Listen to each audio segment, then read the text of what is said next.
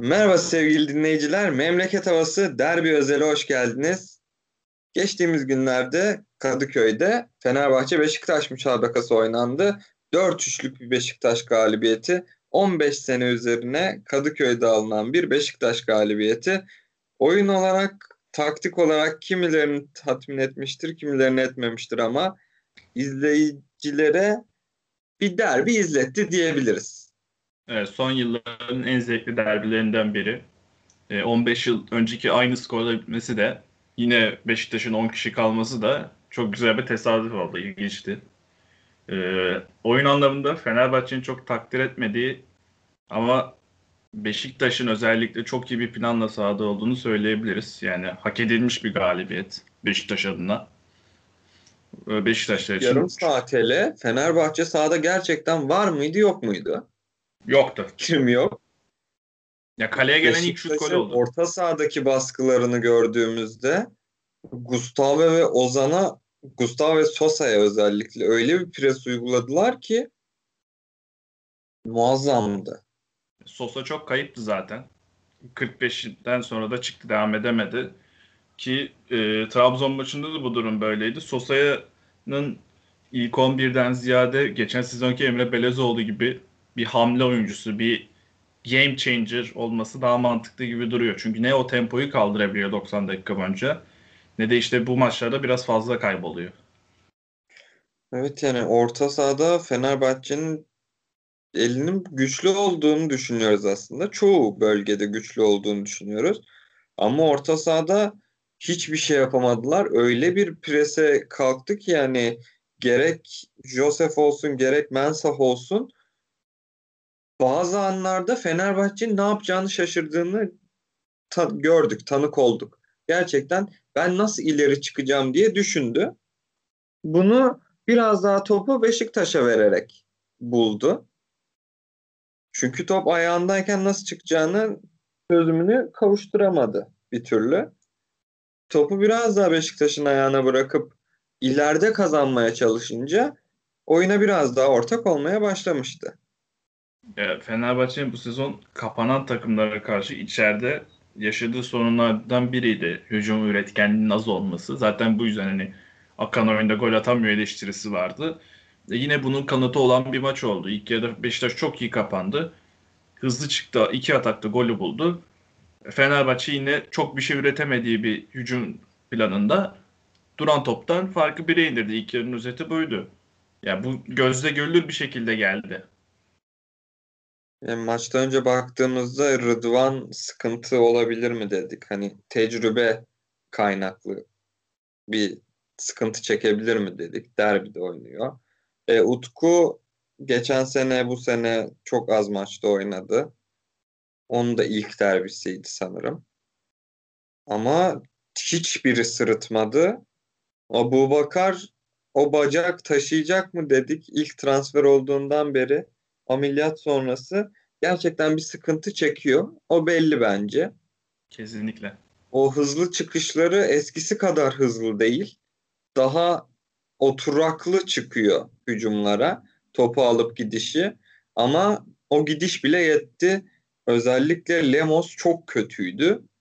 Lemos hakikaten e, çok fazla hata yaptı. Hatta bir ara Gustavo da çok sinirlenip hani sen bir şey yapmıyorsun deyip gidip faal yaptı.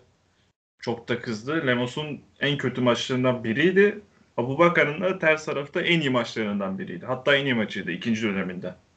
Geldiğinden beri en iyi performansıydı kesinlikle. Ama ben bir Lemos'u konuşalım bence. Nasıl bu kadar kötü olabilir ve taktik anlamda da çok kötüydü. Abu Bakar'a yapışıp oynuyor. Abu Bakar neredeyse orta sahadan da geriye geliyor. Kendi kalesine doğru Lemos hala geliyor. Lemos hiçbir türlü arka tarafta bıraktığı alanı düşünmüyor. Tisserand'ın başında bir anda Mensah'la kanat oyuncularından biri baş başa kalınca Fenerbahçe'nin defansif anlamda yapabileceği hiçbir şey kalmıyor o saniyeden sonra. Boşaltılan alanlar o kadar fazlaydı ki Lemos kendisi boşaltmak istediği gibi zaten. Ya evet çok kötü bir performans gösterdi. Beşiktaş'ta bu fırsatları çok iyi değerlendirdi. Ee, Serdar Aziz'le başlamamasına şaşırdım ben. Lemos tercihi. Serdar daha formdaydı. Ya bu derbilere de alışık bir oyuncu. Ee, bu karar biraz pahalıya patladı. Diğer pahalıya patlayan bir karar da Caner yerine Novak'la başlaması. Evet Caner varken hep kızıyorduk. Fenerbahçe hep ortama atacak. Fenerbahçe'nin tek taktiği bu mu olacak diye. Ama Caner yokken ortada açılmadı. Hiçbir taktiği kalmadı neredeyse. Yani Novak çok kötüydü. Kayıptı. Yani Caner'in yaptığı o ortaları da en azından yapmayınca Fenerbahçe'nin ilk yarısı duman oldu. Ee, Caner sonra Perotti yerine girdi. Bence o da yanlış bir değişiklik. Ben olsam Perotti yerine Ferdi'yi alırdım. Aynı anda Novak'ı da çıkarırdım. Yani ilk yarıda yap değişikliği. 5 tane hakkım var sonuçta. Tamam oyuncu moralini bozar ama derbiyi kaybetmeye neden olabilirdi ve oldu da. Evet yani taktik anlamda bir sıkıntı olduğu kesinlikle yani Fenerbahçe maçı tam olarak hazır olmadı belliydi. Ama totale baktığımızda Fenerbahçe yine de 3 golde bulmayı bildi Beşiktaş'a karşı. Bir, bir şeyleri aslında doğru yaptığını gösterir. Ee, şut olarak sadece 7 şut şansı vermesi belki yine doğruları yaptığını gösterir. Ama sonuca gidemeyince az da olsa doğru yaptıysanız hiçbir işe yaramıyor. Ya evet tabii, tabii bunda biraz Beşiktaş'ın 10 kişi kalmasının da etkisi büyük. Yani 11-11'e oynanan maçta ilk yarıda üzerinde konuşalım. Yani 2-1'de Fenerbahçe'nin öyle bir pozisyon üretmekte zorlanıyordu. Golde zaten duran topta Beşiktaş'ın savunması ne yaptığını hiç anlamadığım bir şekilde geldi. Yani çok kötü savunma yaptılar. Bomboş kaldı ilk öncüde. Ya bu dediğim gibi az önce kapanan takımlara karşı Fenerbahçe bir çözüm üretemiyor. Bunu Hatay Spor maçında da 9 kişi rakibini gol atamayarak acısını çektiler. Ee, Konya Spor maçında acısını çektiler. Beşiktaş maçında da acısını çektiler ve içe, içeride oynayacakları tüm, çoğu maçlarda kapanan takımlar Fenerbahçe'yi çok zor zamanlar yaşayacak gibi gözüküyor. Kadro diyoruz, her şey diyoruz ama Fenerbahçe kendi evinde iki maçtır yeniliyor. Konya Spor'a da yenildi. Gol Tam bir deplasman takımı. Erol Bulut'un Fenerbahçe'deki geleceği de biraz tartışıldı.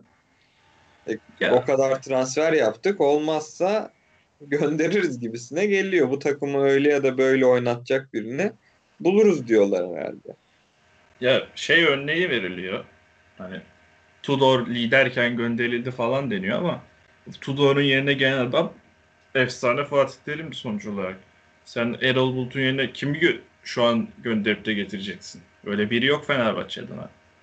O yüzden yani biraz daha da şans verilmesi lazım. Tamam hani artık insanlar daha oturmuş bir oyun, bir hücum seti bekliyor ama Erol Bulut'un bunu çok vereceğini düşünmüyorum. İşte biraz daha deplasman oyununu oturttu gibi artık. Ee, bu da şampiyonluğa yetecek mi? Ya kadro şampiyonluk için gayet yeterli. O şampiyonluğa alacak dokunuşu yapabilecek mi?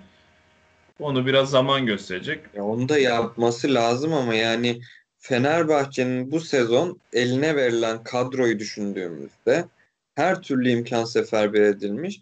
Bu kadar oyuncular alınmış, bu kadar ekonomik krizin içerisinde ki yani bazı haftalardaki kadrosunu yedeklerini düşündüğümüzde çoğu Avrupa takımına eşdeğer bir yedekleri vardı. Yedekte oturan oyuncuların bile kalitesi.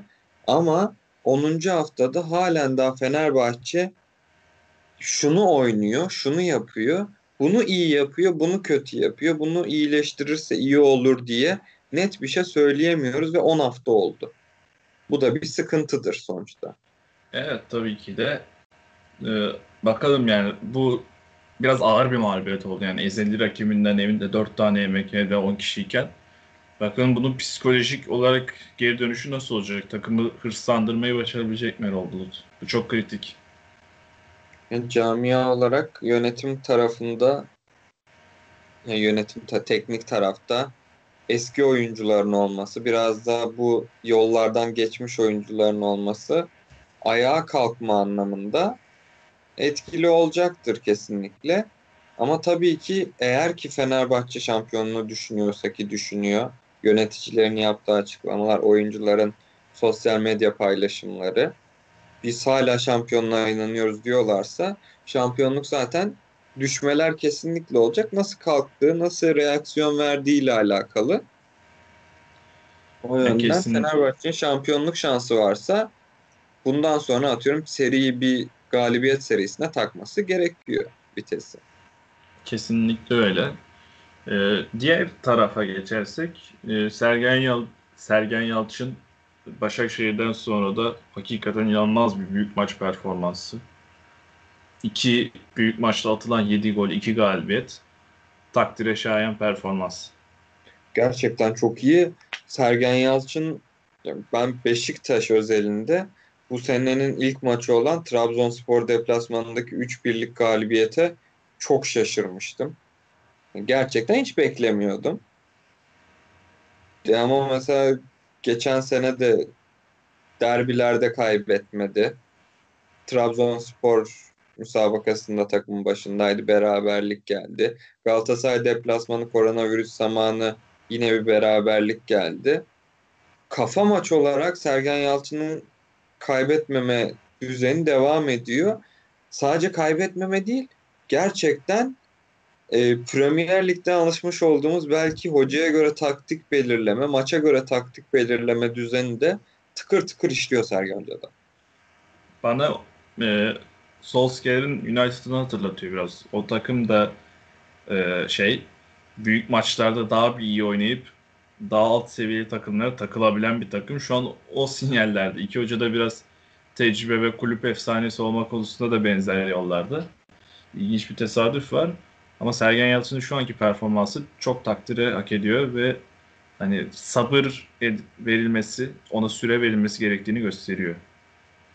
Ya Sergen Yalçın'a yönetim ne verdi diye bakalım. Devre yani sezon başında. Yönetim Sergen Yalçın'a neredeyse hiçbir şey vermedi. Sağ bek sağ bek diye bağırıldı. Şampiyonlar Ligi elemesi gitti. Avrupa elemesi gitti. Sağ bek yoktu. Stoper son günlerde geldi Montero. Tamam En Sakala'yla Wellington'a hala yorum yapmıyorum. Gerçekten çok kötü transferler olduğunu düşünüyorum. E, forvet forvet dedi. Çok istedi. Gerçekten dizinde çok büyük bir sıkıntı yaşamış eski bir forveti getirdiniz. Ki geçen senenin yıldızlarından gidenler de oldu. Ama Sergen Yalçın yine de çok iyi reaksiyon verdi. 37'lik Atiba'dan efsane verim alıyor. Bence Mensah Hep... kariyerinin en iyi maçlarından birini oynamış olabilir. Ya hepsinden maksimum verim alıyor bence yani. Şu e, az önce saydığınızın hepsinde büyük soru işaretleri vardı gelirken. Ama şu an alabileceği en iyi verimi alıyor. Yani dün Rozier ve Gezal müthiş performans. İkisi de arkalı önlü. İnanılmaz iyi maç çıkarlar. İşte Enkudu tartışılan bir isim ama dün sonradan girdi. Asisti yaptı. Yine çok beğenilmeyen El Sakala golü attı. Ee, bu isimlerden böyle verim alabilmek de bir hoca başarısıdır. Ya Sergen Yalçın hakikaten e, devamlı övüyoruz ama bunu çok hak ediyor. E, gerçekten Enkudu bu sene en son ya ilk kez geçen hafta oynadı diye biliyorum Başakşehir maçında. Sonradan oyuna girdi. Son 30 dakika sanırım. E, orada bir performans gösterdi gösteremedi. Yine iyiydi top tutmada. Ama derbide 10 kişi kalmışken Enkudu'yu sahaya sürüyorsunuz ve bir de asistle gol buluyorsunuz. En Sakala'yı sahaya sürüyorsunuz ondan gol buluyorsunuz. Muazzam, muazzam. Gerçekten oyuncularını oyun tanımı olarak müthiş. Umarım teknik direktörlük kariyeri çok daha düzenli olur. Bundan öncesinde çalıştığı takımlarda hep kümede tutup bir şeyleri biraz başarıp sonrasında ayrılıklar geldi. Beşiktaş'ta Ama... daha uzun süre kalabilir yani. Kulüple de bir bağı olduğu için diğer takımların nazaran hani Sergen biraz başı da bölük biri. Ama burada biraz da taraftarın da gazı ve isteği yani işlerde iyi giderse daha uzun süreli görebiliriz onu. Umarım görürüz çünkü oyunu seviyor, oyunu biliyor. Oyunu bildiğinde belli ediyor ve çok hırslı. Gerçekten ikinci sarıdan at, niye atılmadı diyeceğimiz. Evet, ona, ona da geleceğim birazdan. Ona da geleceğim birazdan. Evet çok hırslı ve bunu da belli ediyor. Oyuncularına da yansıtıyor demek ki. Kesinlikle öyle. Ee, o ikinci sarı mevzusuna da gelmişken e, hakemi de bir konuşalım. Yani çok konuşmayalım ama e, değinmek istediğim bazı noktalar var. Birincisi e, Mert Hakan'a orada ikinci sarıyı çıkaramayıp üstüne de Sergen Yalçın da ikinci sarıyı çıkaramadı. Yani ikisi de ikinci sarıyı görmeliydi. İkincisi son dakikada Joseph'in sadece girişi bile Lemos'a kırmızı kart. Joseph'in gelişi gerçekten o bacağı koparıyorum gelişiydi. Ya Gözünün benzer... önündeydi. Onun devamında Lemos'un onu attığı kafada kırmızı kart. evet. Son, son dakikada Altay'ın net bir şekilde koluyla önüne aldı top. Hadi maç bitti diye es geçti. Ama bu kartlar çok es geçildi. Yani gerginlik ve şey arttıkça kart kontrolünü çok kaybetti. Hem kart kontrolü hem mesela maçın belli bölümlerini belli tarafa faul haklarını hep onun, ondan yöne kullandı. Belli yerlerde direkt öbür tarafa çekti gaz almak gibi. Ama bu gaz almak falan değil. Saatine bakıp şimdi Fenerbahçe'ye faul çalma saatim gibi davranıyordu bazı yerlerde. Yönetim olarak bence sınıfta kaldı. Yönetim TFF yönetim kurulu üyelerinden sanırım hakemin arkasında duran açıklamalar olmuş. Ama bence ortalamanın çok çok altında bayağı kötü bir yönetimdi ki bu statta bir de taraftar olduğunu düşünsek yani taraftar baskısını kaldıramazdı. taraftarının olduğu baskıyla böyle bir yönetimi kaldıramazdı. 70. dakikada ağlayarak sahayı terk ederdi herhalde. On, bir de daha saçması daha maçtan maça bir gün kala işte babasının çıkıp işte benim oğlum küçükken Galatasaraylıydı. röportaj verilmesi ve bunun hani bir şekilde yayınlanması ya bunun kesinlikle izin verilmemesi gerekiyor. Hakemi hani tam Galatasaraylı tamam ama zan altında bırakan bir şey sonuçta üstünde baskı yaratan bir şey. Yani bu maç daha farklı bir sonuçta bitse belki hakem üstünde daha sert tepkiler olacaktı. Evet. Yani, iyi bir durum değil. Çok kötüydü ama. Evet yani yönetim olarak sınıfta kaldı. Larin'in kırmızısı hakkında ne düşünüyorsun? Onu da sorayım. 50. dakikada gelen bir kırmızı kart var sonuçta. Yani kolu açtı. Gökhan düşüşü çok inandırıcı gelmiyor bana. Onu söylemem lazım ama o kolu açtıktan sonra o düşüşün nasıl olduğunun önemi yok. Orada kas kartlık bir faal var ve kartı çıkardı. Yani kart doğru ama düşüşü çok okey değil. Yani bence çok böyle bir anda o maçın gerilimiyle çok da verilecek bir kart değildi belki. Yani taraflı ya. yorum yapmak istemiyorum. Taraflı yorum da yapmıyorum. Ama yani derbi maçında bu tür bir hareketin kart olmasını ben çok yani tabii kuralda öyle diyorsa vereceksin ama biraz daha bunların futbolun içine adapte olabileceğini düşünenlerdenim. Ya evet. Yani kart çıkmasa da niye çıkmadı demem ama o kartın çıkmasına da doğru yani. Çok da şaşırmamak lazım bence. Evet yani Mert Hakan'ın ikinci sarısını konuşmaya zaten gerek yok. Bu arada Mert Hakan'ın ikinci sarıyı görmemesi Beşiktaş'a yaradı. Net bir evet. gol kaçırıp üstüne dördüncü golü de topu kaybetti. Yani bir yandan telafi oldu yani işin komik tarafından bakarsak. Beşiktaş zorlu bir fikstürden çıktı dedik ama son 5 maç 4 galibiyet yoluna devam ediyor. Kasımpaşa maçıyla haftaya devam edecek. Ve e, bir maç eksiği olduğunu düşündüğümüzde diğer takımlardan. Ya ben şampiyonluk adayı olarak görmüyorum.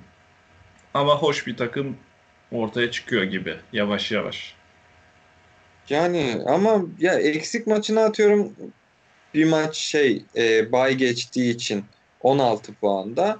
O fikstür olarak yakalamış durumda olduğunu düşünsek 19 puanda olacak. Fenerbahçe ve Galatasaray 20 puanda. Yani... Ya evet. Ama hani biraz kadro kalitesiyle de alakalı bir durum. Ha olamaz kesinlikle olamaz demiyorum ama bir tık altta görüyorum. Evet olursa camia için çok değişik bir hikayesi olan bir şampiyonluk olur. Çok da büyük bir başarı olur. Son yılların en Evet, büyük Hoca'nın şampiyonluklarından da biri olur. fazlasıyla artar. Sergen Yalçın şampiyon olup emekli olursa hiç şaşırmam. Zirvede bıraktım Zirvede diye. bırakabilir. Yani evet. Büyük bir başarı olur. Yani son yılların en özel şampiyonluklarından biri bile olabilir. Çok dar imkanlarla çünkü. Evet. Heyecanı bol bir derbiyi geride bıraktık. Genel olarak bu derbiye puanım 10 üzerinden 8 olabilir. Seyretmeyi seyretmekten zevk aldığım bir derbiydi. 0-0'lık Galatasaray Fenerbahçe maçlarına alıştıktan sonra çok daha Arada bir iyi iyi geldi. geliyor. Evet. Bol gol, kart, kaçan goller. Kesinlikle. Programı burada kapatıyoruz. Bir başka derbide görüşmek üzere diyoruz. İyi akşamlar. İyi akşamlar.